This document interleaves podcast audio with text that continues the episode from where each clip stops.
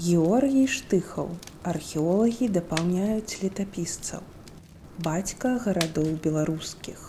Летапісы называюць у девятым стагоддзі некалькі гарадоў ва ўсходняй еўропе і сярод іх полацк. Звычайна ўзрост горада вылічваюць ад першай звесткі ў пісьмовых крыніцах. Паводле гэтага полацк самы старажытны горад на тэрыторыі сучаснай беларусі. Яму больш за 1100 гадоў. Полацк узнік як галоўны населены пункт заходняй групы крывічоў палачан. Ён стаў сталіцай полацкай зямлі. Землямі у тыя часы называлі княствы сярэднявечныя дзяржаўныя ўтварэнні Усе астатнія гарады полацкага княства знаходзіліся ў залежнасці ад галоўнага цэнтра і называліся прыгарадамі. Прыгарадамі полацка былі Менск, мінск, віцебск, лагойск, барысаў, лукомль, друцк, браслаў і іншае. У пытаннях знешняй палітыкі яны залежалі ад галоўнага горада зямлі, але ва ўнутраных справах былі самастойныя. У 12 стагоддзі многія з былых прыгарадаў самі сталі цэнтрамі невялікіх удзельных княстваў, на якія распалася полацкая зямля.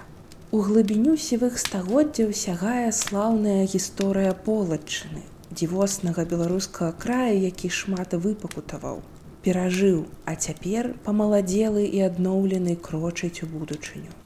На дзвіне і на палаце Аб полацку і полацкай зямлі нямала сказана ў старажытных летапісах. Але ніводны з гэтых твораў не можа поўнасцю расказаць пра гісторыю горада, часы ранняга сярэднявечча.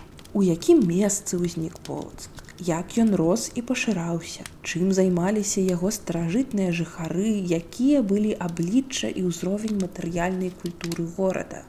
Нарэшце, дзе шукаць яго археалагічныя помнікі полацк на дзвіне і на палаце драўляны, а святая Сафія каменная сямі купаламі. Засведчаны ў спісе гарадоў далёкіх і блізкіх, які быў складзены ў канцы 14 стагоддзя.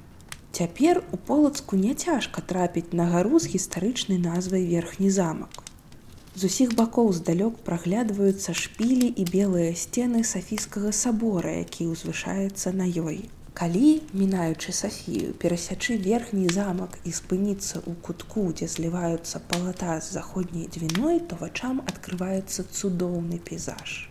Раніцы і вечарам косыя прамяні сонца ружовым водблескам адбіваецца на сценах Сафіі і ўвесь будынак, нібыта казачны цуд створаны рукамі волатаў, выразна бачны ў люстры заходняй дзвіны. Вас апаноўвае нейкі асаблівы настрой, і ўяўленне пераносіцца на многія стагоддзі назад.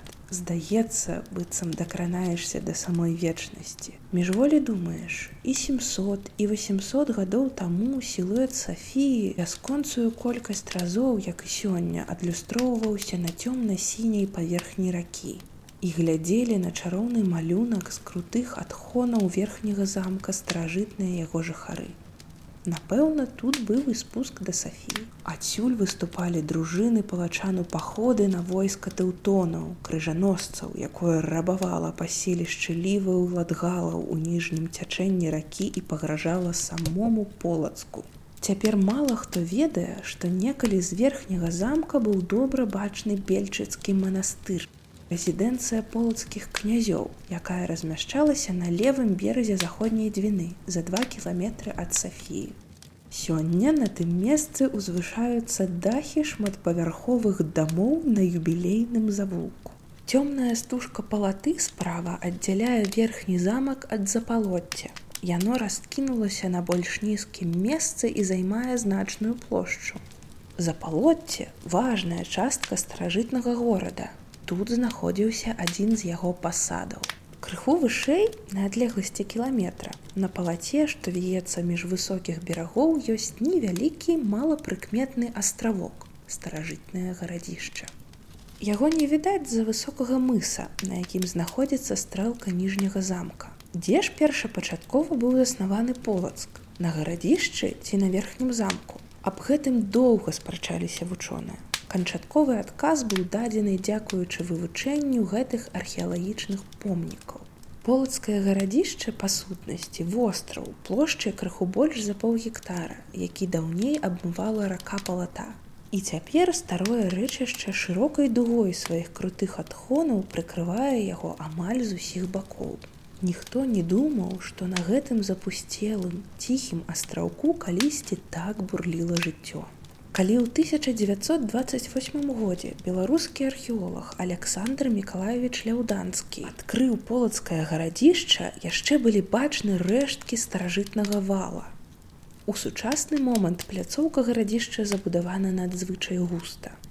З вялікай цяжкасцю нам удалося знайсці ў 1962 годзе маленькі ўчастак на паўночнай яго ўскраіне, дзе можна было зрабіць археалагічныя раскопкі вузкай траншеяй прарэзаць край пагорка. Наша траншея дасягнула чатырохметровай глыбіні. Пад пластом галавешак і вуголля стаяў цэлы гаршок.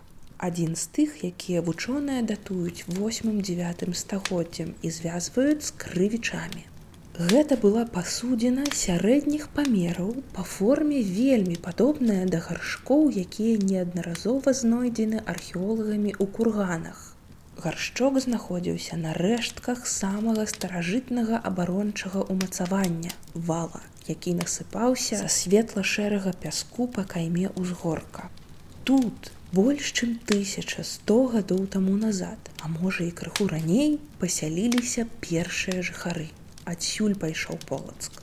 Аднак гарадзішча рэшткі ўмацаванага паселішча, града, А дзе знаходзіліся іншыя неўмацаваныя, найбольш старажытныя паселішчы. Іх трэба было шукаць недзе паблізу. Звілістая палата з берагамі, зрэзанымі ярамі ўтварае высокія мысы. Мы вырашылі зрабіць раскопкі на невялікім мысе, што знаходзіцца побач з гарадзішчам ля краснага моста. Таўшчыня культурнага пласта не перавышае паўтара метра знойдзены чарапкі ад гаршкоў 8-12 стагоддзяў жалезны наканечнік стралы гліняная прасліца сярэбраная арабская манета. Дырхем адкапаны рэшткі майстэрні 10 стагоддзя у якой апрацоўвалі металы. Значыць тут знаходзіўся старажытны пасёлак прадграддзе полацка Узнікшы на палаце, полацк развіваўся і на правым беразе заходняй дзвіны. З канца десятого стагоддзя пачаў засяляцца ўзвышаны ўчастак плошчай каля 10 гектараў, размешчаны пры ўпадзенні ракі палаты ў заходнюю дзвіну. Гэты ўчастак пазней атрымаў назву верхняга замка.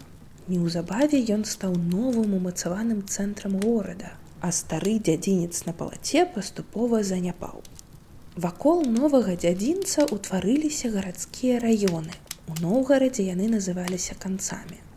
Паводле больш позніх крыніц у полацку паселішчы, якія яго складалі, называліся пасадамі.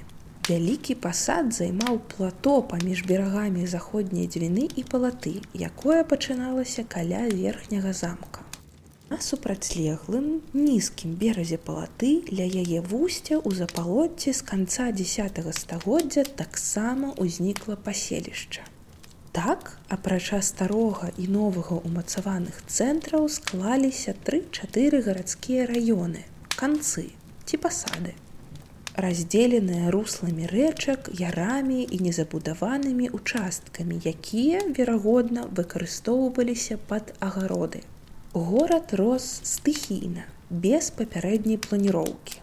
Сафійскі сабор на верхнім замку з'яўляўся архітэктурным цэнтрам горада. І калі ў девятым пачатку 10 стагоддзя тэрыторыя полацка складала ўсяго некалькі гектараў, то ў 11-12 стагоддзях яна павялічылася да 80 гектараў, што сведчыць аб хуткім развіцці горада. Нямала таямніц гісторыі Полацка захавана ў культурным пласце верхняга замка. На працягу многіх гадоў тут праводзяцца археалагічныя раскопкі. Адкапаны драўляныя насцілы старажытнага завулка, рэшткі жылля і гаспадарчых пабудоў 11-13 стагоддзяў. Здзіўляла зусім выключная захаванасць дрэва, якое праляжала ў зямлі многія стагоддзі добрая захаванасць дрэва скуры тканін на верхнім замку тлумачыцца павышанай вільготнасцю грунту На значнай глыбіні без доступу паветра пры пастаяннай тэмпературы яны былі як быццам закансерваваны. Дрэва можна было рэзаць пілой. І сапраўды навуковыя супрацоўнікі экспедыцыі старанна адпілоўвалі ад бярвёнаў тонкія кружкі. Па гэтых драўляных дысках, вывучыўшы і падлічыўшы кольцы, вучоныя вызначылі з дакладнасцю да аднаго года, калі дрэвы раслі і калі іх секлі. Гэта дапамагло высветліць час узнікнення драўляных пабудоў, якія адкапаны на полацкім верхнім замку. На глыбіні да трох метраў раскапаны дом рамесніка з невялікім дваром ля яго. Ад пабудовы уцалела шэсць радоў бярвёнаў, так званых вянкоў. Загінула яна ад пажару. Да гэтага тут ужо ўтварыўся культурны пласт таўшчынёй каля метра. Ніжнія вянкі дома апынуліся ў зямлі і таму добра захаваліся. Дом узведзены ў сярэдзіне 13 стагоддзя. Ён меў памеры 5 на 5 метраў і быў зрублены з сасновых і яловых бярвёнаў. Знаходкі сведчаць аб тым, што гаспадары дома займаліся рамяством. Тут знойдзены тыглі, якія выкарыстоўваліся для плаўкі каляровых металаў і металічныя зліткі, падрыхтаваныя для пераплаўкі. Пра заняткі шавецкай справай гавораць драўляныя капылы правідлы. Адкапана нават драўляная лыжка, якую не скончылі выразаць цурбалка. У доме жыла сям'я палачаніна майстра на ўсе рукі. Рост полацка залежаў ад развіцця рамяства і гандлю. Шырока распаўсюджаны былі ў горадзе апрацоўка жалеза, ювелірная, шавецкая, касцярэзная і іншыя рамёствы. Практыкаваўся ў полацку і выраб шкла, з якога рабілі жаночыя ўпрыгожанні, пранзалеты. Полацк быў багатым рамесніцка-гандлёвым цэнтрам. Разам з тым жыхары гэтага вялікага горада займаліся сельскай гаспадаркай і жывёлагадоўляй. Зручнае геаграфічнае становішча горада на заходняй дзвіне спрыяла яго удзелу ў міжнародным гандлі. Заходняя дзвіна была паўночна-заходняй галіной шляху з варагаў у грэкі. Ад рыжскага заліва па заходняй дзвіне ішоў прамы шлях да полацка і далей да віцебска, дзе знаходзілася вусце лучосы. Яе вытокі падыходзілі ля оршы непасрэдна да дняпра, галоўнай воднай артэрыі на шляху з усходняй Еўропы да візантыі. З вярхоўя заходняй дзвіны лёгка было трапіць на другі вялікі водны шлях волжскі, які злучаў балтыйскае і каспійскае моры.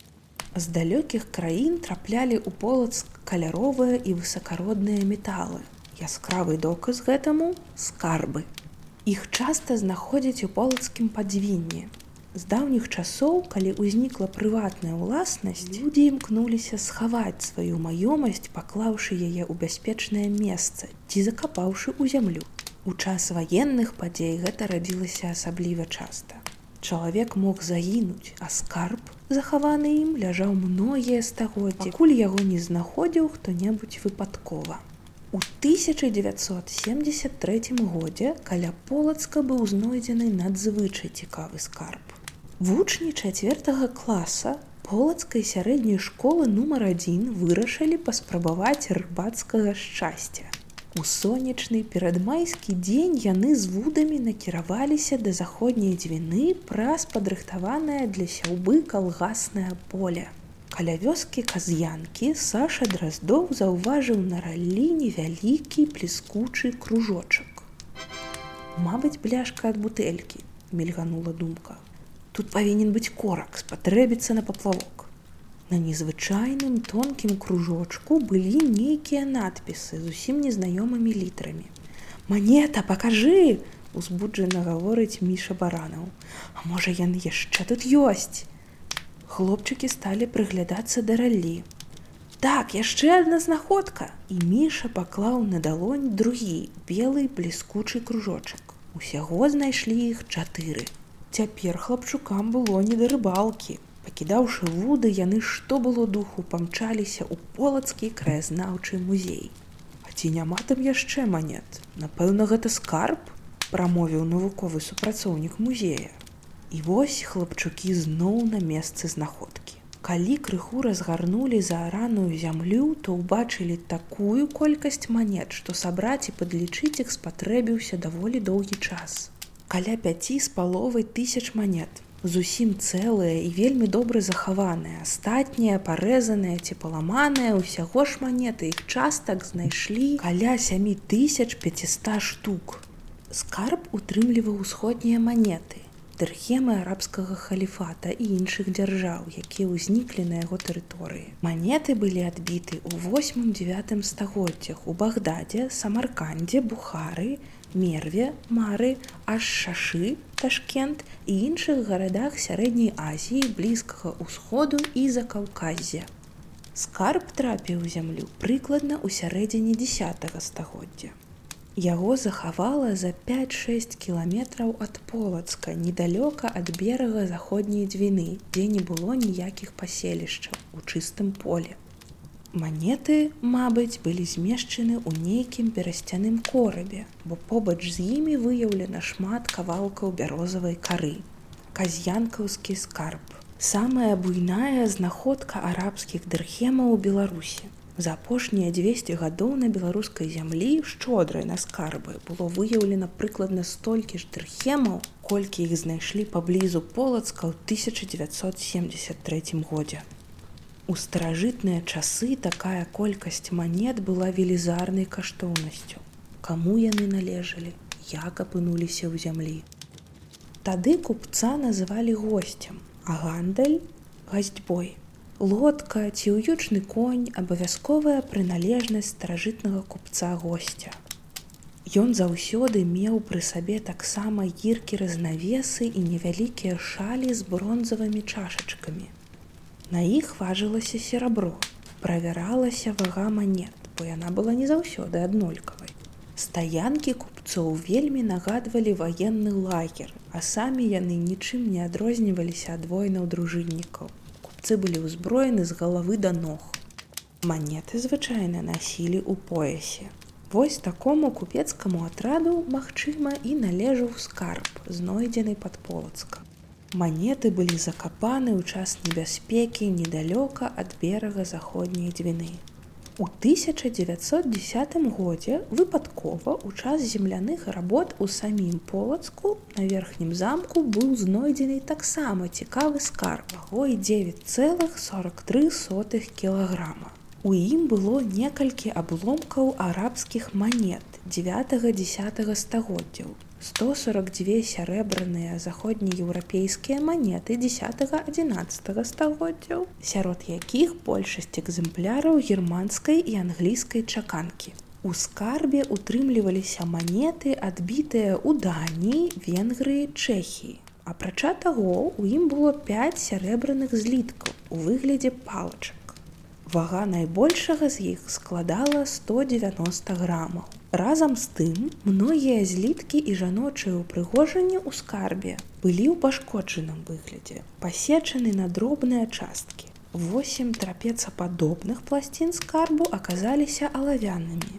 Відавочны скарб быў запасам металічнай сыравіны ювеліра.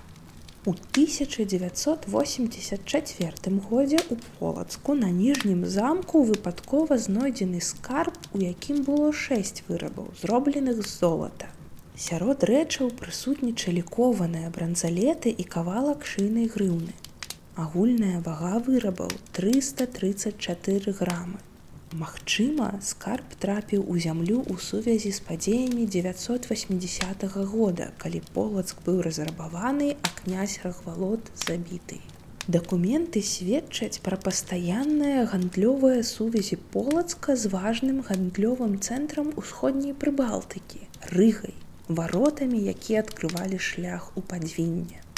Уніз па заходняй дзвіне плылі плыты, чаўны і вялікія лодкі з мёдам, воскам, футрам, скурай, дарыгі і далей на востраў Готланд, у любек і іншыя ганзейскія гарады. Тым жа шляхам прыязджалі ў полацк купцы з заходняй Еўропы. Упартая барацьба полацкага купецтва за права свабоднага гандлю ў рызе і за яе межамі гавораць аб сіле і багацці гэтага горада. У старажытныя часы полацк славіўся далёка за межамі роднай зямлі. Пра яго добра ведалі сучаснікі. Летапісцы ў сваіх творах данеслі да нас яго цікавую, багатую падзеямі гісторыю. След рагнедзін. Электрычка набірае скорасць. За вокнамі мільгаюць бетонныя слупы, зубцы пералескаў і не паспееш азірнуцца, як з дынаміка гучыць. Наступная станцыя Беларусь. Міжволі глядзіш у акно. Недалёка ад чыгункі на ўзвышшы бачны валу. Ён утварае кола правільнай формы. Праз момант гэты вал знікае за хмызняком, што цягнецца ўздоўж чыгункі. Справа на небасхіле ўзнялася белая вежа царквы. Яе абступае магутны чатырохвугольны вал. Недалёка на выспе бачны муры другой царкоўнай пабудовы. Гэта першыя прыкметы горада заслаўя.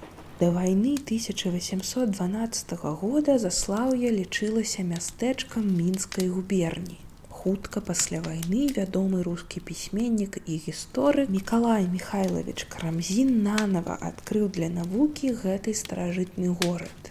У сваёй рабоце гісторыя дзяржавы расійскай Миколай Михайлович Карамзін вызначыў датай заснавання заслаўя 985 год. Адны вучоныя спрэчвалі гэту дату. Другія ж меркавалі, што названы ў летапісах Ізяславль знаходзіцца не ў Беларусі, а дзесьці ў іншым месцы. Магчыма, ва ўкраіне. У жыхароў заслаўя была свая думка па гэтым пытанні. Спытайцеся тутэйшага жыхара, хто такая рагнеда? І ён раскажа цікавую легенду пра полацкую князёўну, якой давялося жыць у гэтых месцах. Але звернемся да больш старажытных сведак таямніца гарадзішча замачак. Летапісны ізяславль і сучаснае заслаўе. Ці адзін і той жа гэта горад? Адказ можна атрымаць толькі вывучыўшы археалагічныя помнікі. Яны захаваліся ў заслаўі і ў яго наваколле здаўна прыцягваў увагу вучоных замачак ці як яго яшчэ інакш называюць магіла рагнеды Цяпер гэта месца ваколіца існуючага горада замачак з'яўляецца гарадзішчам толькі не зусім звычайным. Размяшчаецца ён непадалёку ад поплава чарніцы але тут няма стромкіх абрывістых берагоў перарэзаных ярамі. Плошча гарадзішча складае каля паловы гектара. Яго акружае кальцавы вал. У двух месцах ён перарваны. Гэта ўваходы але ў старажытныя часы ўваход відавочна быў толькі адзін Вышыня вала месцамі дасягае 5 метраў. Са знешняга боку прыкметны рэшткі штучнага старажытнага рова. З яго бралася зямля для збудавання насыпу. Звестак у пісьмовых крыніцах пра гарадзішча не захавалася, існуюць толькі легенды. Сто гадоў таму назад помнік называўся не замачак, а акопішча. У 1853 годзе беларускі вучоны і падарожнік Павел Михайлович Шпілеўскі запісаў цікавае паданне. Тады побач з гарадзішчам існаваў яшчэ і курган. Гавораць, нібы ў старажытныя часы тут узвышаўся прыгожы замак. У ім жылі дзве князёўны, старэйшая красуня, а малодшая непрыгожая. Аднойчы праязджаў праз заслаўе менскі князь і пазнаёміўся з князёўнымі. Ён пакахаў малодшую і хацеў з ёй ажаніцца. Старэйшая князёўня вельмі засумавала, бо сама пакахала князя. Каб разладзіць шлюб, яна звярнулася да вядзьмаркі, якая жыла над ракой. Атрымаўшы ад яе нейкае зелле, князёўня вярталася дадому. Ідучы лесам, яна чагосьці вельмі спалохалася і са страху кінулася ў раку. Малодшая сястра пахавала яе каля замка і насыпала курган. Павел Михайлович Шпілеўскі адзначыў, што насельніцтва верыла ў гэта паданне. У 1926 годзе на гарадзішчы замачак археолог Александр Миколаевич Ляўданскі зрабіў невялікія раскопкі. На пляцоўцы амаль адсутнічаў культурны пласт было знойдзена некалькі кавалкаў ад посуду 11-12 стагоддзяў зробленага на ганчарным крузе. Александр Миколаевич Ляўданскі меркаваў, што гарадзішча магло выконваць ролю дзядзінца старажытнага заславы. Ніякіх прыкмет магіл і старажытных пахаванняў тут не было. Аднак дзядзінцы гарадоў у такіх нязручных месцах не будаваліся. Гэта былі не тыя валы, за якімі абараняліся жыхары Ізяслаўя ў 12 стагоддзе ад нападу варожага войска. Пасля раскопак Александра Миколаевича Ляўданскага некаторыя гісторыкі выказалі сумнення ў існаванні Ізяслаўля на тэрыторыі сучаснай Беларусі раней за 12 стагоддзя. Таямніца старажытнага горада чакала сваёй разгадкі. З 1967 года пачаліся новыя археалагічныя раскопкі ў заслаўі. Вядома, у першую чаргу цікавіла гарадзішча замачак. Будете шукаць магілу рагнеды запытала бабулька калі мы з групай студэнтаў з'явіліся на гарадзішчы з рыдлёўкамі. Недзе ж я пахавалі працягвала дапытлівая старая адчуўшы па нашым выглядзе што на такую знаходку тут мы не спадзяёмся пляцоўка гарадзішча была моцна пашкоджана пяццю вялікімі ямамі ад часоў мінулай вайны прыкмет культурнага пласта нідзе не было відаць Спачатку трэба было даследаваць вал. Каля ўваходу край насыпу абсунуўся. Яго зручна было зачысціць, каб разгледзець будову. У насыпе вала добра былі бачны два пласты.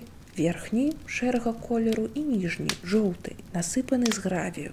У шэрым пласце былі знойдзены абломкі ад гаршкоў 11 стагоддзя. Значыць, перабудоўваючы вал у апошні раз людзі выкарысталі культурнае наслаенне з пляцоўкі гарадзішча. Замачак выкарыстоўваўся ў 11 стагоддзя і яшчэ некалькі пазней. Такім выпадку павінны былі быць прыкметы жыцця на пляцоўцы гарадзішча, іх патрэбна было адшукаць. Недалёка ад цэнтра пляцоўкі мы заклалі невялікі раскоп пад дзірваном быў тонкі пласт гумусавай зямлі, а ніжэй ішоў грунт з прыроднага жоўтага пяску. Але вось у грунце паказалася пляма. Яна мела амаль прамавугольную форму памерам адзін на тры метры. Асцярожна мы здымалі чорную зямлю, якая запаўняла яму. Глыбіня яе была невялікая 30-40 сантиметров. Спачатку нам трапілася сланцавая ці, як часта кажуць археолагі, шыферная прасліца для верацяна. Ружовы сланец ва ўсходняй Еўропе быў толькі ў раёне Оўруча на валыні. Там жа размяшчаліся майстэрні, дзе з мяккага каменю выточвалі гэтыя невялікія кружочки адтулінай пасярэдзіне. З валыні прасліцы ў вялікай колькасці траплялі ў старажытныя гарады Беларусі да 1240 года, пакуль мангола татары не разграмілі майстэрні. У яме аказалася шмат керамікі. Усяго тут знайшлі звыш 500 чарапкоў. Край, якім заканчвалася горла, меў характэрную адзнаку быў крыху патоўшчаны, а шыйка гаршка даволі высокая. Гэта характэрная прыкмета керамікі 11 стагоддзя. Зусім інакш выглядалі кавалкі ад амфар, якіх мы знайшлі 24 штукі. Амфары вялікія гліняныя пасудзін шынёй 70-80 сантиметраў. У іх вузкае горла, дзве вертыкальныя ручкі, круглае, нібы завостранае дно. У амфарах трымалі і перавозілі віно або аліўкавае масла. Прывозіліся яны звычайна з херсанеса і іншых паўднёвых гарадоў. Апрача амфар удалося знайсці прыгожую шкляную пацерку з вочкамі. У археалогіі добра вядомы такія знаходкі. Яны былі распаўсюджаны ў 10-11 стагоддзях. Таксама ўдалося знайсці лязо жалезнага ножыка. У яме не было ніякіх прыкмет пахавання відавочна яна мела гаспадарчае прызначэнне. Дык што ж было на замэчку старажытныя часы дапытвалі ў мяне студэнты. Думаю, што тут знаходзілася ў 11 стагоддзе феадальная сядзіба. Паблізу ёсць рэшткі неўмацаваных паселішчаў, дзе, напэўна, жылі сяляне. А дзе ж быў горад? Не адступаліся студэнты.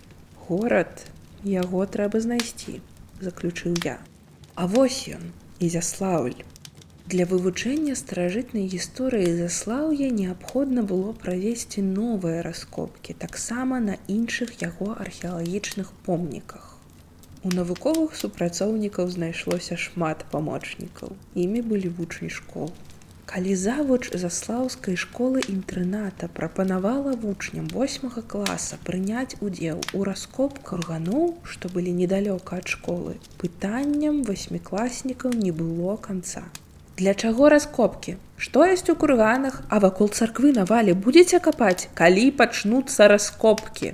Назаўтра хлапчукі ў дамоўлены час з'явіліся з рыдлёўкамі на бераг свіслачы, дзе знаходзіліся курганы сабраліся ўсе на адным з насыпу цяжка сказаць ці пашанцуе нам калі-небудзь знайсці магілу рагнеды сказаў крыху жартуючы навуковы супрацоўнік але магілу якога-небудзь яе сучасніка мы знойдзем можа нават і сёння вам ужо вядома у такіх курганах нашы продкі славяне хавалі памерлых. Паглядзім што знаходзіцца под гэтым насыпам. Дзеці ахвотна ўзяліся за работу і праз кароткі час большая палова кургана была раскапана На глыбіні 90 сантыметраў паказаўся шкілет чалавека.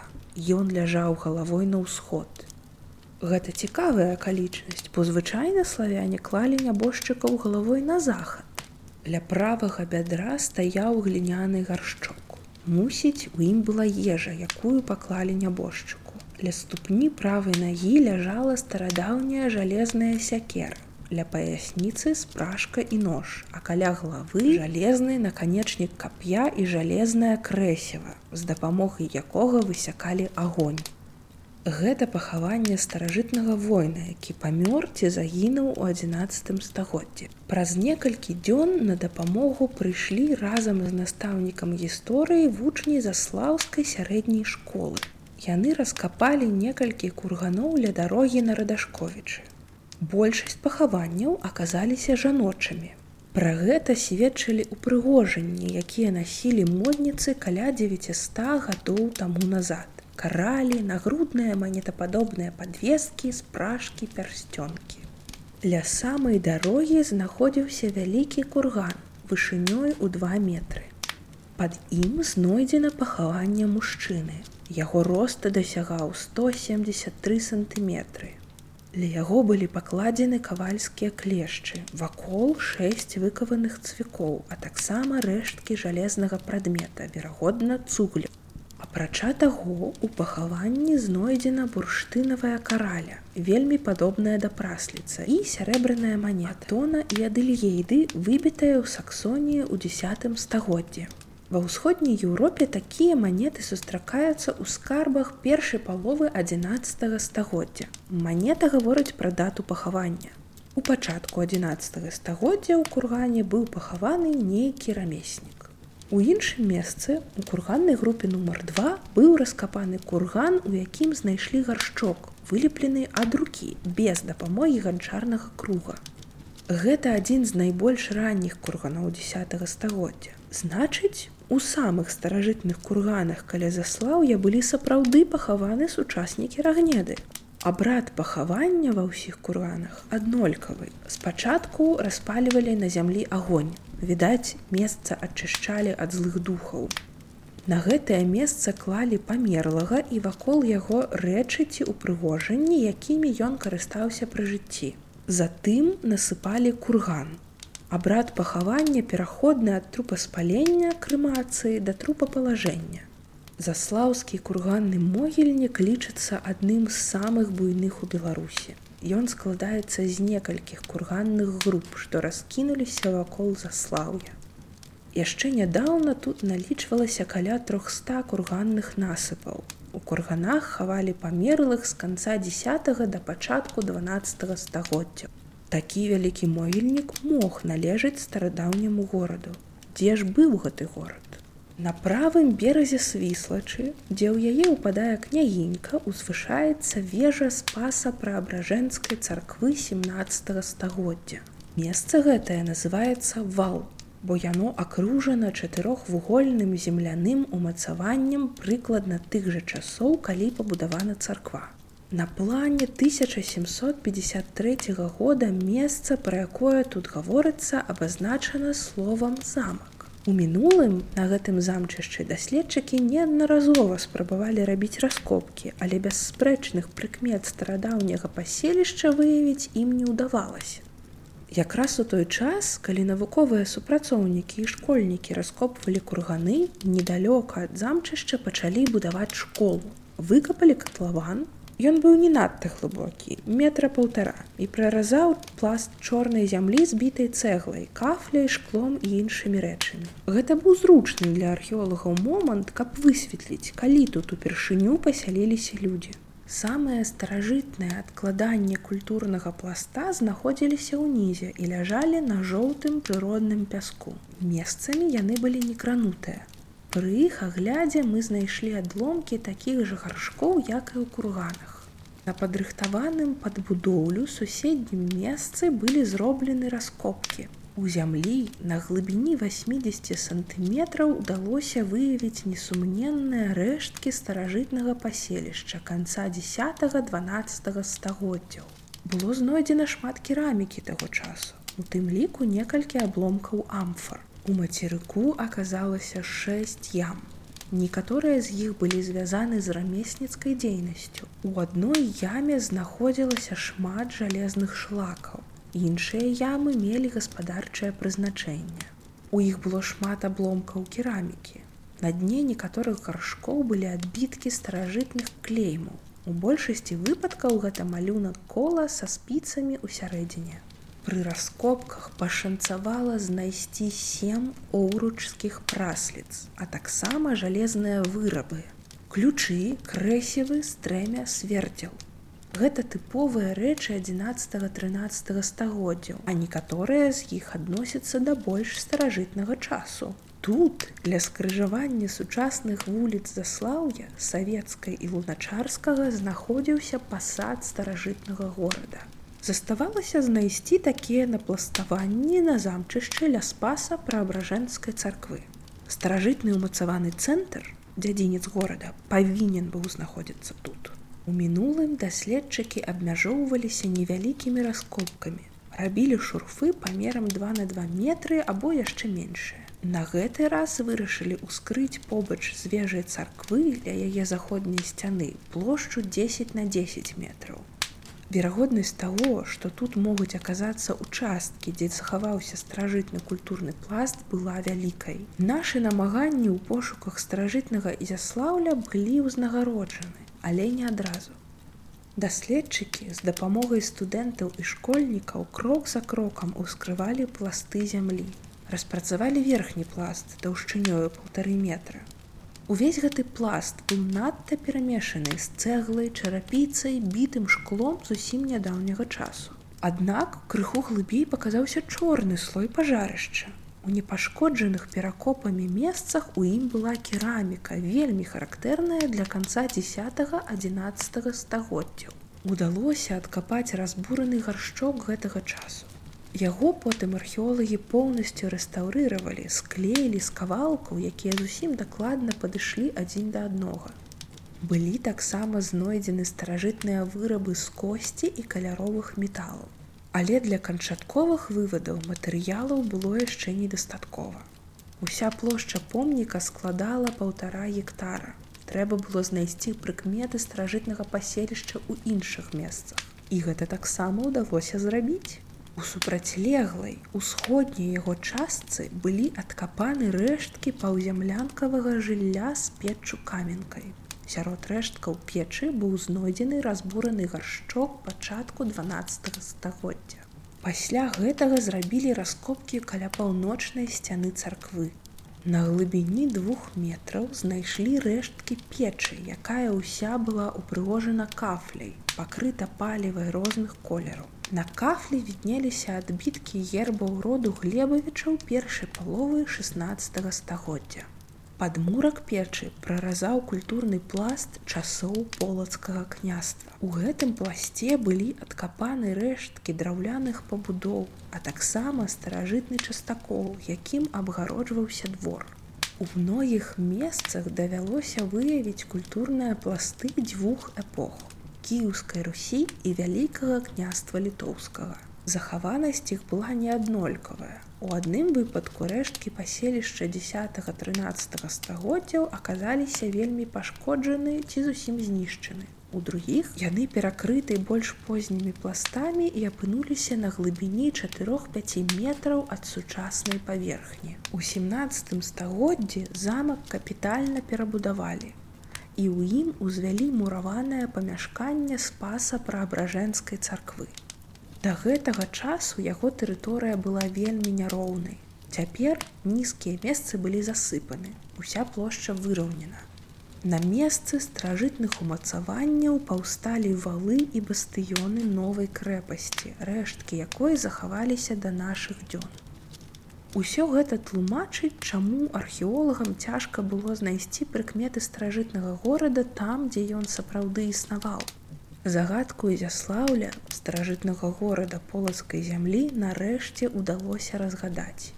Ён быў заснаваны ў канцы 10 стагоддзя і стаяў там, дзе ў нашы дні знаходзіцца заслаўе. Назва гэтага старажытнага горада паходзіць ад уласнага імя Ізяслаў. Таксама як і назва горада мсціслаў ад імя мсціслаў барысаў ад імя барыс. Вельмі верагодна, што гэтым ізяславам быў сын рагнеды. У далейшым, дзякуючы развіццю беларускай мовы, назва Ізяслаўль паступова змянілася на заслаўе.